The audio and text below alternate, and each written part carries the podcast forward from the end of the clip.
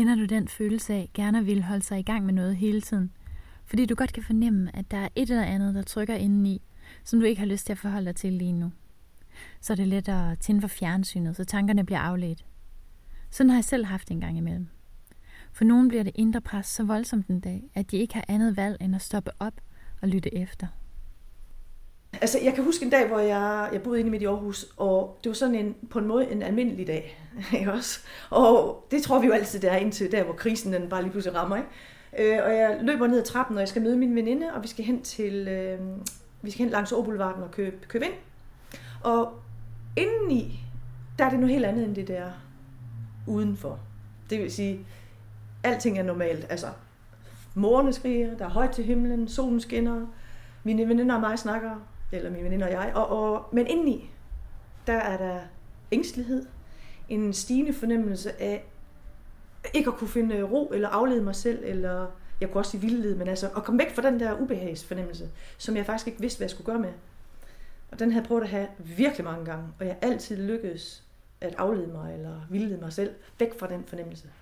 Men det kunne jeg bare ikke mere den dag der, og det var virkelig spooky, fordi hvad skulle man så? Så jeg gik ind i den her ostehandler, og vi øh, stod inde i den butik, og jeg kunne mærke, at de værdier, den ostehandler havde, de matcher dem, jeg har i dag. Han tager sig rigtig god tid. Men det kunne jeg jo ikke holde ud der, fordi jeg var lidt panik. Så jeg måtte gå ud af forretningen og stille mig udenfor og mærke det der fuldstændig, øh, hvad kan man sige, angst, simpelthen. Og jeg kunne ikke få det væk. Jeg kunne ikke fjerne det. Så min veninde kom ud og spurgte, hvordan det går, og det kunne jeg heller ikke svare på. Jeg skulle bare afsted, og jeg skulle hurtigt hjem. Sådan som jeg også plejede at gøre. Stadigvæk i håb om, så går det, går det jo nok væk, når bare jeg kommer hjem. Men jeg nåede bare aldrig at komme hjem, før der skete noget fuldstændigt andet. Vi gik hen over, øh, hvad hedder det, ved hovedbiblioteket. Og der var der, øh, ligesom om, altså, på forestillende følelse der, hvis jeg bliver ved med at gøre det, jeg plejer at gøre, så bliver det værre. Men jeg vidste ikke, hvad det nye var endnu. Det var et fuldstændig bare sådan det tomme intet og virkelig frygtindgydende. Så hvad, hvad kunne jeg gøre? Jeg stoppede bare op og følte, at på en eller anden måde, jeg blev taget fat om, og så, nu skulle jeg bare stoppe. Ikke? Og så jeg stoppede op, og, og det var endnu mere panikagtigt, fordi det var et modbillede af, hvem jeg var. Altså, hvis du forstår. Det var det mest skræmmende, jeg kunne forestille mig. Det var, tænk hvis jeg nu blev sindssyg eller vanvittig. Skulle jeg lægge mig hernede på jorden og blive et eller andet med, ingen må jo se det og alt sådan noget der. Men jeg var desto mindre nødt til at bare lægge mig ned på jorden, fordi jeg var så helt ør i hovedet. Og så sagde min veninde, at øh, jeg skulle øh, trække lige vejret ned i maven. Ikke? Hun var også lidt bekymret og sådan noget der. Og i de sekunder, hvor jeg gjorde det, var opmærksom på åndedrættet. Der var der ingen frygt overhovedet. Altså jeg husker det virkelig meget klart. I få sekunder faldt alting til ro. Det der billede af lidt tunnelsyn, eller følelsen af panik, bekymring, bare væk. Men jeg kunne jo ikke holde den tilstand, vel, for jeg var ikke trænet til det, men det var jo faktisk et mindfuldt øjeblik. Og jeg havde aldrig mediteret, og det stod heller ikke skrevet nogen steder, at jeg skulle. Jeg havde alt, hvad der hed sådan noget der på det tidspunkt, fordi jeg tænkte, det er fandme direkte farligt at meditere. Man, kunne jo blive, man, bliver jo, man er jo fortabt. Man går jo ind i mørket. Man går jo, man bliver sindssyg, hvis man går den vej. Altså sådan nogle mærkelige forestillinger. Jeg kan huske sådan nogle plakater fra jeg var ung. Jeg er så helt ung, 15 år eller sådan noget. Yoga, meditation, så stod sådan noget. Nej, jeg synes, det var forfærdeligt. Men jeg, øh, jeg var nødt til at gøre det, som man i dag kalder træk stikket der, efter det lå der i parken der. Øh, så i to måneder øh, var jeg egentlig meget opmærksom på, at hvad kan man sige, ikke at dø, og ikke at blive sindssyg. Det var mine to frygtscenarier. Så hvad var den tredje mulighed? Altså, jeg, jeg kunne ikke gå nogen de veje, og jeg kunne ikke gøre noget med at, at drikke eller tage medicin eller sådan noget. Jeg, det var bare nøgent, barskt noget. Ikke? Så, så var jeg jo nødt til at finde på noget. Fordi der var jo ikke nogen muligheder, som var sunde, som jeg kunne se var gode overhovedet. Øhm, og så fandt sindet, eller noget inde i mig jo altså på det sunde. Og det var øh, to ting. Det ene det var øh, selvcoaching, som jeg heller ikke vidste, at det var det, jeg gjorde. Det fandt jeg også ud af, da jeg begyndte at læse senere. Og at, nå hold kæft, man er en hel tradition omkring coaching, men det var egentlig hvad, den måde, jeg havde snakket med mig selv på, den måde, jeg havde levet på. Det var for eksempel at øh, coach mig selv med udfordringer. Og sige, okay, øh, du er bange for det her nu. Ikke også? Altså, men, men jeg skal jo derhen, fordi det er længe, til efter så er du nødt til at tage nogle skridt derhen. Og så begynde at gøre det, selvom jeg var bange. Og så rumme den frygt, og så når okay, transformere den frygt, og så tage det næste skridt og det næste skridt. Og på den måde udvide mit handlerum mere og mere. Det var det ene. Så var der meditationen, eller mindfulness-delen. Øhm, det kom som sådan en... Øhm, jamen det der, der hedder choiceless awareness, hvor at jeg på en måde overgav mig til nuet, for der var ikke andet. Det vidste jeg altså heller ikke, det hed, men det ved jeg bare, at, at det var det, det var, fordi jeg begyndte sådan at... Altså for eksempel, hvis jeg tegnede, øh, så var jeg bare sådan helt inde i, i et med det, jeg tegnede. Eller hvis jeg vaskede op, eller hvis jeg nu det lyder måske mærkeligt, hvis jeg lakerede bil, eller samlede min kærestes frimærker. du ved, i sådan to måneder kan man gøre de mærkeligste ting. Men, men bare det, at det var virkelig mindfuldt, uden at jeg egentlig vidste det. Men når jeg lavede de ting på den der fordybede måde, så, øh, så lagde angst og bekymring og stress sig også fuldstændigt. Så de to måneder der øh, af det der selvtræning, som jeg var tvunget til at gøre, fordi jeg virkelig fik kniven på struben på en eller anden måde, øh, det var sådan set godt. Øh, og det gav mig også virkelig... Nu kunne jeg virkelig mærke sådan en, øh, en ild inde i mig, der havde det sådan, hold kæft mand, jeg kom om på den anden side, det er så ligesom om, nej, nu blev jeg sådan endnu mere, nu skulle jeg virkelig ekspandere. Nu skulle jeg rejse alene, nu skulle jeg dit, og jeg skulle dat alene. For der, jeg blev lige pludselig sådan, jeg ville ikke finde mig i, at nogen som helst frygt for mig, nogensinde skulle bestemme over mig, ever again. Og det har jeg holdt siden. Hvis der er noget, jeg vil, og jeg er bange for det, så ved jeg, at det er bare et spørgsmål om, at få overvundet den, overvundet den frygt på en mindful måde. Fordi man kan ikke presse. Man er nødt til ligesom at have en eller anden form for kærlighed til det, eller en form for medfølelse til det. Så selvom i starten, der, der var jeg bare sådan hardcore, nu udvider bare dit handlerum nu, bare ud på marken, og det virkede også, og det er også sådan, coaching gør tit. Men mindfulness-delen, den, øh, den gjorde det mere, øh, altså den transformerede det mere permanent, de der forskellige tilstande. Så det er sådan set øh, det er egentlig kernen af, hvorfor jeg egentlig overhovedet blev interesseret i at arbejde med det jeg arbejder i min virksomhed. Sådan kan man komme ud for tidspunkter i ens liv, hvor det hele pludselig tager en drejning. Hvor man har stukket af fra sit kald så længe, at man godt fornemmer noget er under opsejling. Et eller andet ånder dig i nakken, men det kræver så meget mod at stoppe op og vende sig om og se det i øjnene, at det forekommer uoverskueligt. Men når først man en dag enten frivilligt kigger det i øjnene, eller skæbnen overmander en og får lagt en ned, så er det sjældent så slemt i virkeligheden, som man måske havde frygtet det ville være. Og pludselig en dag står man på den anden side og har det godt, og ønsker, at man dog bare havde lyttet noget før. Øh, så det er noget med, at det gamle skal falde, før det nye kan komme ind. Og nogle gange er stress så desværre det, der kommer til at ske. Der er nogle mennesker, der er gode til at mærke, hey, det her det du er ikke mere nødt til at gøre noget, før at de falder ud over kanten. Men de fleste, de ryger bare ned i ligesom sådan en epidemi af stress. Og så finder de ud af, at okay, der er kun en anden vej, det er at blive mere nærværende. Fordi det gamle, det duer ikke mere. Men først så skulle de crashe. Og det er vildt, ikke? For sagde man, ja.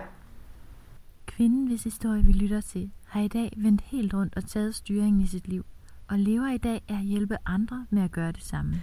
Jeg hedder Liselotte Ellegaard, og driver virksomheden Mindful Solutions, og jeg har også en international del, øh, som egentlig er liselotteellegaard.com. Og det handler faktisk om, at man kan godt sige en mindfulness-drevet virksomhed, begge dele, hvor jeg hjælper både stressramte, som gerne vil optimere deres øh, arbejdsvaner i det job, de har, eller det kan være nogen, der faktisk ikke vil have deres job mere, fordi det ikke matcher deres værdier, eller de simpelthen bare øh, brændt ud i det fag, og gerne vil starte egen virksomhed på en måde, hvor det virkelig bliver både øh, mindful, men også med resultater, så man faktisk kan leve af det, man brænder for at lave, uden at brænde ud. Og hvad er det nu lige mindfulness er for noget? Bevidst opmærksomhed, det taler faktisk om, hvad det virkelig er. Fordi at der er bevidsthed med, som er noget mere end bare tanker. Hvem er vi egentlig bag ved tankerne? Fordi hvis man virkelig kan lade tankerne øh, strømme, hvilket vi kan lære, så vil vi også opdage, at det, der skaber frygt, kommer også fra tankerne. Så hvis vi kan lade dem passere, så er der egentlig ikke så meget at frygte inden. Altså, så det er egentlig en tilstedeværelse at være til stede i nuet, uden at lukke ned med domme.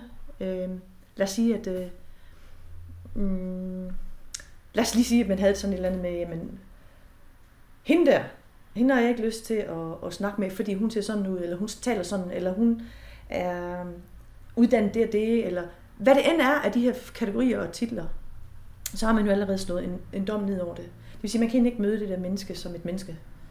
Så det at, øh, at være mindful omkring, jamen sådan har vi altså også mennesker en tendens til at tænke. Det kommer bare nærmest automatisk. Men hvis vi kan træde et skridt tilbage for det, og det kan vi, så får vi simpelthen et meget rigere liv. Men vi taler jo ikke bare om hende, der vi kan snakke med. Vi snakker også om forhold til vores egne børn. Vores kærlighedsliv. Vores arbejdsliv. Så snart vi kan træde ud af de der tanker der, hvilket mindfulness hjælper med at kunne, så kommer der en frihed og en bevidsthed ind, mm, som jeg egentlig synes er lykke. Altså sådan en, øh, kan man er konstant i kontakt med sig selv, for at sige det sådan lidt klichéagtigt. altså, men det er faktisk, hvad man, man mærker jo sig selv på en dybere måde, end når man bare er oppe i hovedet. Så mm, mindfulness øh, er jo i virkeligheden en, øh, en tilstand. Det er jo en måde at være i livet på, og i handlinger på, som egentlig det ikke har så meget at gøre med redskaber. Men der er heldigvis lavet praksiser for, at mennesket kan udvikle den tilstand. Og så, når man har gjort det formelt, så bliver det mere og mere sådan, øh, integreret i almindelige hverdag og i almindelige handlinger. Når at ting bliver gjort på en mindful måde, så bliver det gjort meget mere fokuseret, og det bliver også hvad kan man sige, hurtigere. Der er færre fejl i det. Formår du at have fokus på det, du gør lige her og nu, eller sapper du simpelthen rundt, og så gør du lige lidt der, lidt der, lidt der, lidt der, fordi du skal skynde dig. Og du kan ikke tillade dig at være her, vel, fordi de andre ting venter. Den tænkning er simpelthen ødelæggende. Så mindfulness er altså bevidst nærvær. Og for Lise Lotte er mindfulness blevet til noget, hun lever af. Hun har nemlig fuldt sit kald til at hjælpe andre med at få glæde af de teknikker, der har hjulpet hende selv så meget. Jeg vil sige, at det er jo ikke bare det at være selvstændig, fordi så kunne jeg jo egentlig bare sælge sko, hvis det var. Det er noget mere. Det er fordi, at i den selvstændige virksomhed, der er der også øh, et, et kald efter at øh, arbejde med øh, mennesker. Ja, nu siger jeg jo så det, altså, at, som der, der faktisk føler, at sjælen kalder på at hjælpe andre mennesker med at transformere de dele af deres liv, som de førhen har følt sig begrænset af, og som nu kan mærke, men det gamle, det, det er ikke det rigtige. I Liselottes virksomhed lærer hun folk, hvordan de gennem mindfulness kan tage styringen i deres arbejdsliv.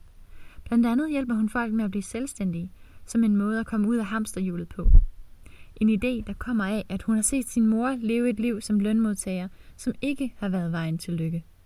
Og det, den proces har jeg selv gået igennem.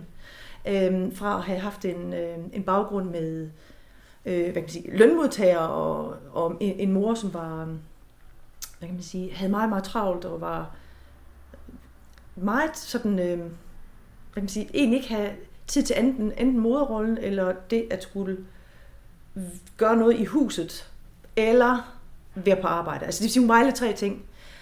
Så der var ikke det, det der liv, som var, hvad kan man kalde det, altså det nærværende og det sjove. Det betyder jo ikke, at hun ikke kunne finde på at spille matador med mig eller noget. Men der var bare en udsigts, udsigtsløshed i hendes øh, arbejdsliv, som jeg spejlede mig i, som gav mig sådan en følelse af, jeg har simpelthen jeg har ikke engang lyst til at blive voksen. Jeg har ikke engang lyst til at få et arbejdsliv, hvis det skal se sådan der ud. Øhm, og jeg kan huske, at jeg netop spurgte hende, øhm, mor, hvorfor, hvorfor, hvorfor, kan du ikke bare tage fri før, eller, og senere spørger hende, øh, kan du ikke bare førtidspensionere dig? Fordi jeg så hende slide sig selv, slide på sig selv, helt ærligt, det, det, det var sådan. Og det var egentlig øh, svært at, at gå med, og jeg kunne mærke, at det billede af arbejdsliv skulle jeg jo gøre op med på en eller anden måde for at kunne skabe mit eget. Det vil sige, det er hele forskellen imellem, hvad siger, hvis jeg skulle sige hvad, hvad siger min, mit indre, hvad siger det rigtige inde i mig, som jeg kalder så noget sjældent. Og hvad siger min historie, altså hvad siger min baggrund? Den siger et eller andet, som slet ikke er mig. Så det, men jeg er stadigvæk præget, eller jeg var præget af det. Så det er klart, at de værdier, som jeg så kommer ud i øh, samfundet og glor på, eller kigger på, eller støder panden imod, at øh, sådan noget som, det skal være 8 til 4, man skal konstant gøre noget. Man må ikke følge hjertet, man skal gøre det, som nogen laver en prognose om. Ikke? Altså de siger, jamen øh, det er godt at blive lærer, fordi så om på den anden side, så kan man rimelig sikker på et job.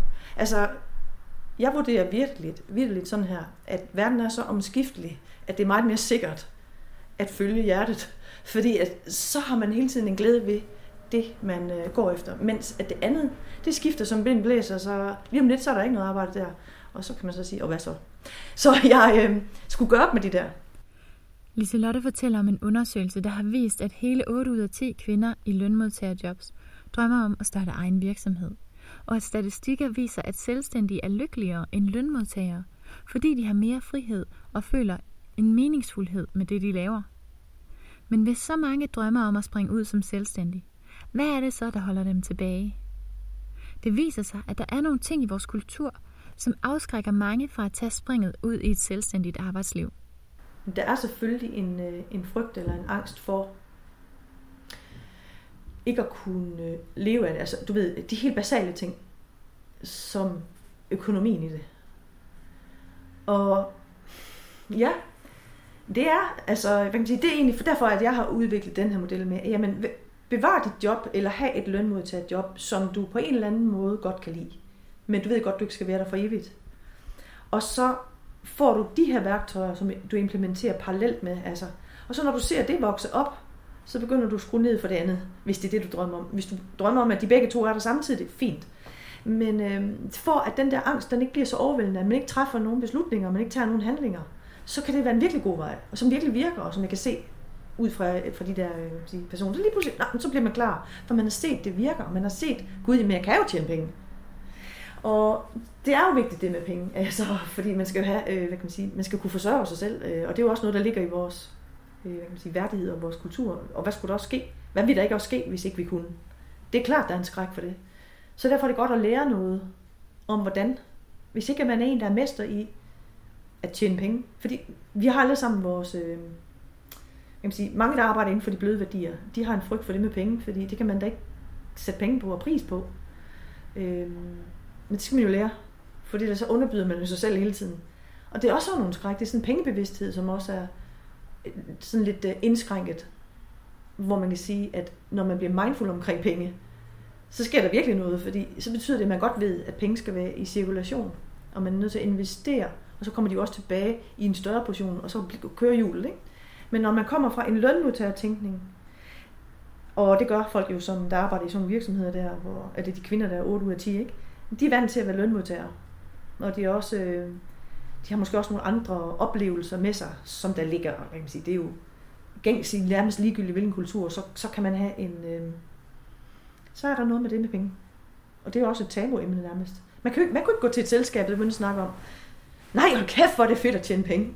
Altså sådan, ved, på en glad og kærlig, og sådan, gud, har kæft, man skal ikke fejre det. Og sådan, det er som om, man straks man siger ordet penge, så bliver det sådan, er du ikke sådan lidt øh, kan man sige, pengefokuseret?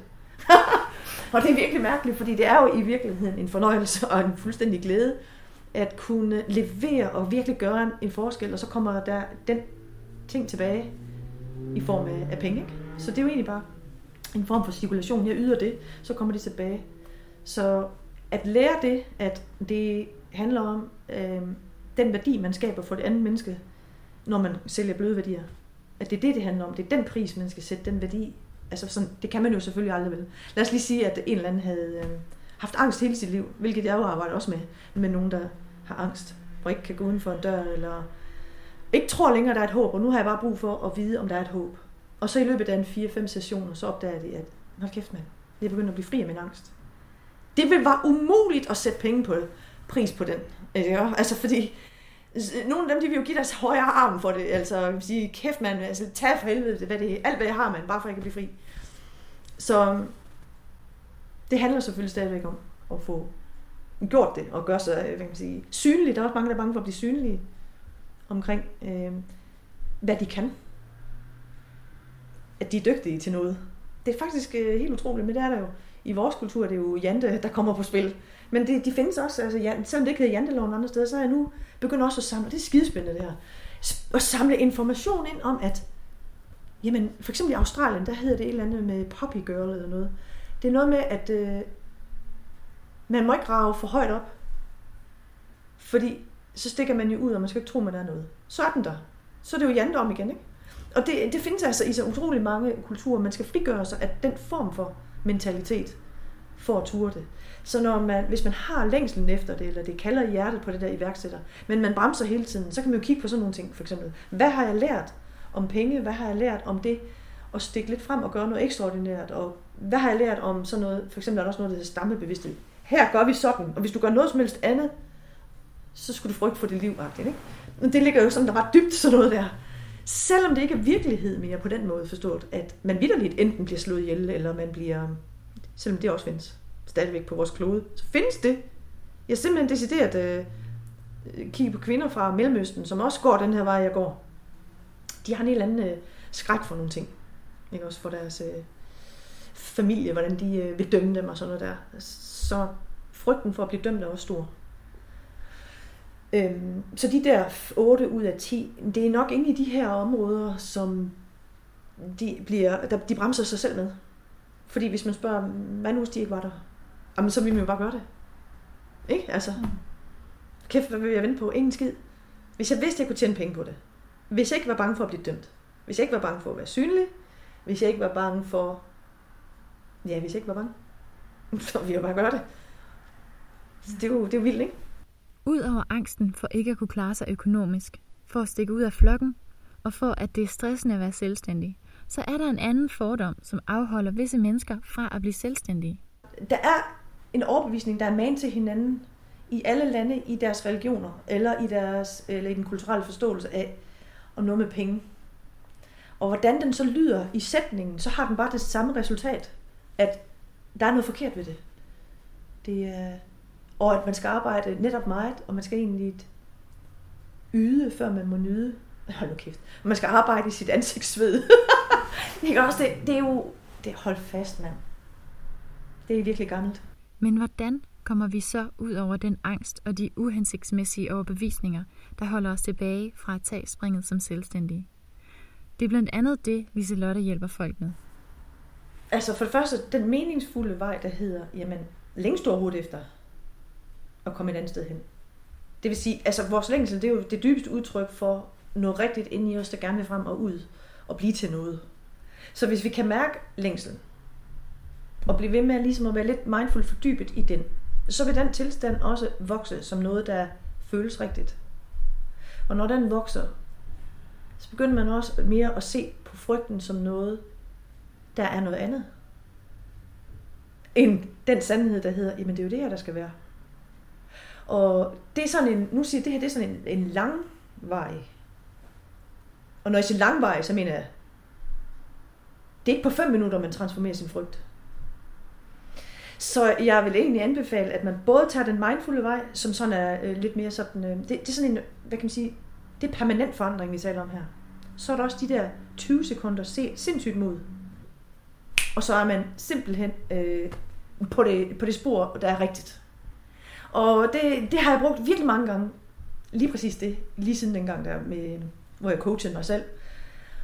Så de to ting, den mindfulde vej kombineret med, hey, hallo, lige her, der står der faktisk en, øh, en mulighed for dig, lige foran dig her. Sig ja. Fordi lige der, så kan det godt være, at det giver et sus i maven, og der kommer et adrenalin, pff, et eller andet, og måske kommer der ovenkøbet en angst, men den lægger sig, den klinger af ved handling. Mens at hvis du står på tærsklen og diger hele tiden, så udstrækker du den øh, ængstelighed og frygt i ufattelig lang tid. Så rigtig meget frygt bliver simpelthen transformeret til mod og frihed ved at handle. og det er fedt. Så når mindfulness-delen, den, den hjælper jo også med, at man bliver ved med at, ligesom også at være til stede i nuet i sine handlinger, og kunne drosle ned, når man har været gearet, og man er sådan, hvis man også er sensitiv, så kan man også virkelig mærke, når det kører, kører i en, også, og det har man også brug for ligesom at få gearet helt ned. Men, men de to ting der, jamen sig ja, når der er, er noget, ikke? Lad os lige sige, at du spurgte mig, om jeg vil interviews, og så er jeg lige pludselig blevet angst for, fuck mand, hvad siger jeg? Hvad kommer jeg nu til at sige? Nej, jeg siger ja. Fordi det, altså nej, jeg siger ja. Fordi det er, øhm, det er også en mulighed, og det er sjovt. Og så være i det. Det kan godt være, at jeg siger noget vist nogle gange, eller laver en, øh, hvad hedder det, en fejl. Og jeg kan godt lide året. Det kommer også nu. Det andet råd. Man kan også sige det tredje. Det kan også, der er to måder at få mod på. De 20 sekunders og den mindfulde vej. Så året, det er, at for eksempel, du siger sådan her inde i dig selv, ej, jeg har simpelthen virkelig lyst til at rejse, og det har du så også ovenikøbet udsat de sidste syv år.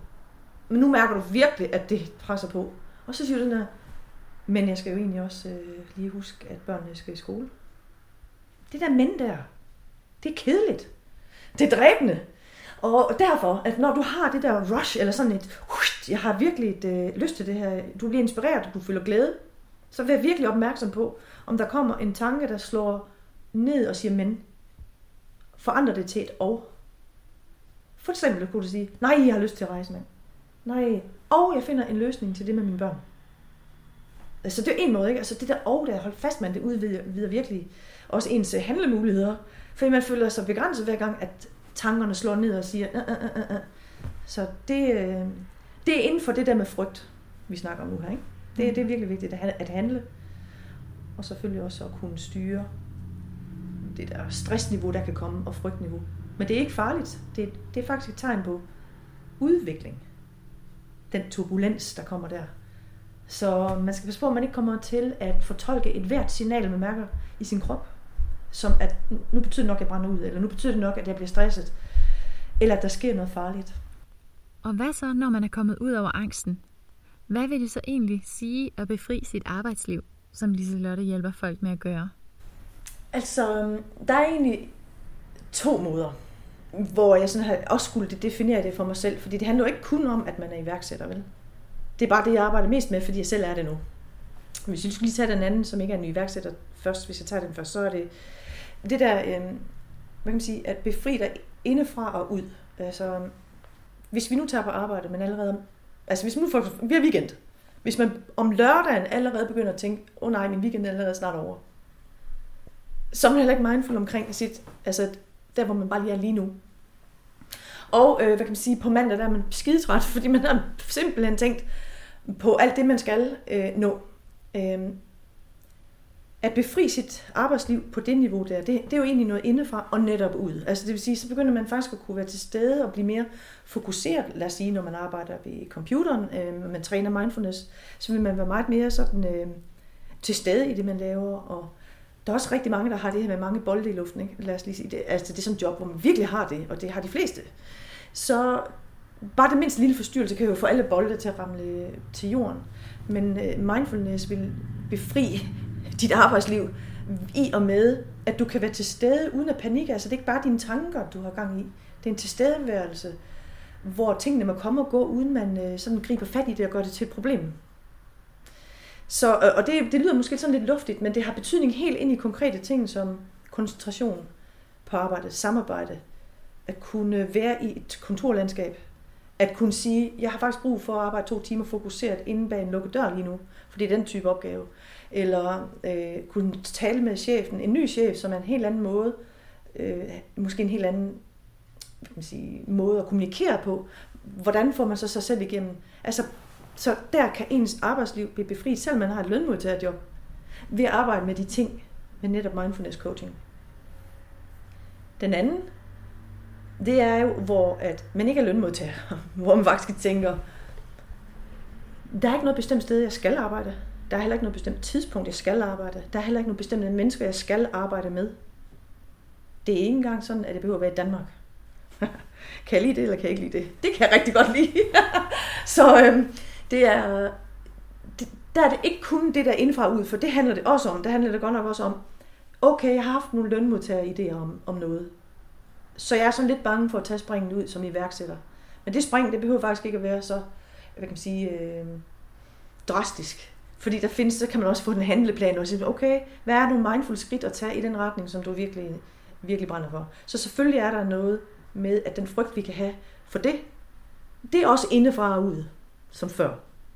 Det andet, det er jo, wow, altså, øh, lad os lige sige, at, at, at du er sådan en, der vil arbejde med netop, og, altså inden for bløde værdier, og vil hjælpe mennesker på en eller anden måde.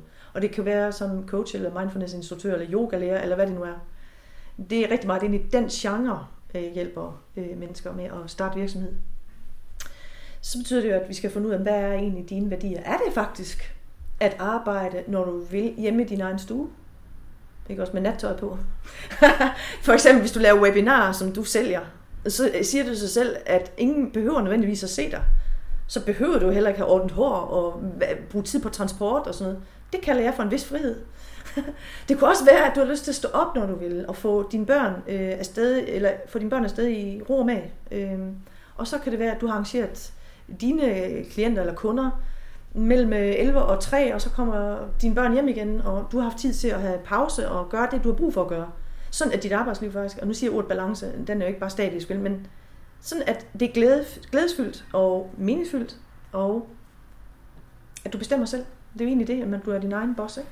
Så den mobilitet og fleksibilitet, det er egentlig øh, fuldt ud muligt at skabe. Og det går godt i Liselottes virksomhed. Det tyder på, at hun har ramt noget i tiden. Folk er ikke længere glade og tilfredse, bare de har et eller andet arbejde. De nye generationer på arbejdsmarkedet er blevet mere værdiorienterede og er klar til at sige fra over for arbejdsmarkedets krav, hvis det ikke passer sammen med deres egne ønsker, fortæller Liselotte.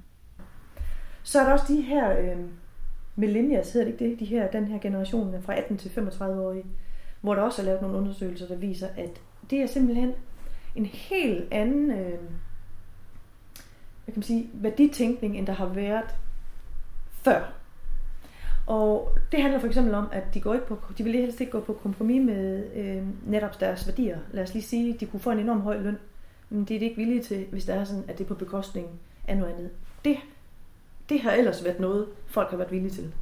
Ikke også? Øh, og det er heller ikke sådan noget med, at man vil arbejde i øh, 20 år det samme sted. Det, det er sådan noget med, hvad er det egentlig, der giver mening, siger den her. Og det er jo ikke sådan, at det ikke breder, det breder sig ud i alle mulige retninger. Det er ikke sådan, de ejer altså den her, hvad kan man sige, øh, generation, at de ejer de værdier. Det breder sig både ned og op. Men det er bare med dem, og når man, ligesom så, der er der bare sådan en klar tendens til, at wow, de, de går den vej. så øhm, mobiliteten og fleksibiliteten er også nogle øh, ting i det, i det øh, område der. Så i min egen praksis kan jeg se, at øh, jamen, i og med, at jeg, hvad når jeg slår de der ting op, så er der jo faktisk en tænding på det der med frigør dit arbejdsliv, eller sæt dit arbejdsliv fri. Jeg har haft nogle forskellige øhm, artikler i her og der og sådan noget der. Det, det er ligesom om, der er noget, der bliver tændt inde i, i mennesker, når de hører det der. Fordi der er mange, der oplever, at arbejdsliv kan være sådan slave. Øh, og det er det jo også på en måde, hvis at man tænker, i hvert fald, i hvert fald for dem, de mennesker, hvor at, jamen jeg sælger jo faktisk lige nu mit øh, liv væk time for time. Dem, der har det sådan. Man har aldrig udsigt til, at man kunne tjene mere eller frigøre noget. Fordi man er jo bundet i de timer der hele tiden, altid. Og man får ikke mere ved at yde mere. What's the meaning? Nej, det forstår jeg overhovedet ikke. Men, men sådan har værdierne jo været, og det har også været okay, og en okay tryg struktur, og for nogen er det stadigvæk også det rigtige.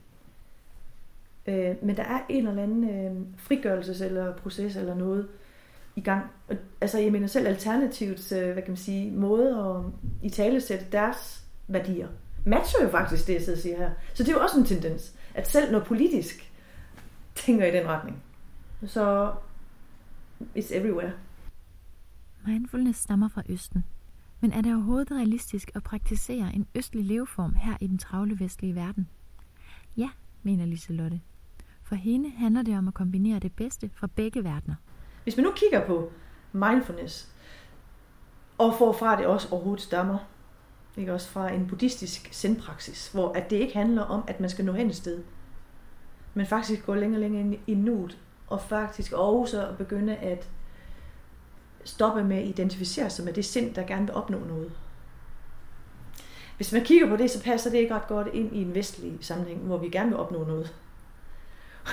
og øh, det er derfor, at øh, det kan man ikke holde op med i vores kultur, og skulle også op, opnå noget. Det er også fint at vi opnå noget. Så hvordan kan vi være til stede her og nu i det, vi også gerne vil opnå? Det vil sige, slip resultatet, selvom vi ved godt, at vi er på vej ind til et mål. Det er vildt. Og det, øh, det er faktisk lige præcis, hvad det handler om. Og så bliver det sjovt. Fordi man kan sige, at øh, den buddhistiske praksis, den har svar på noget.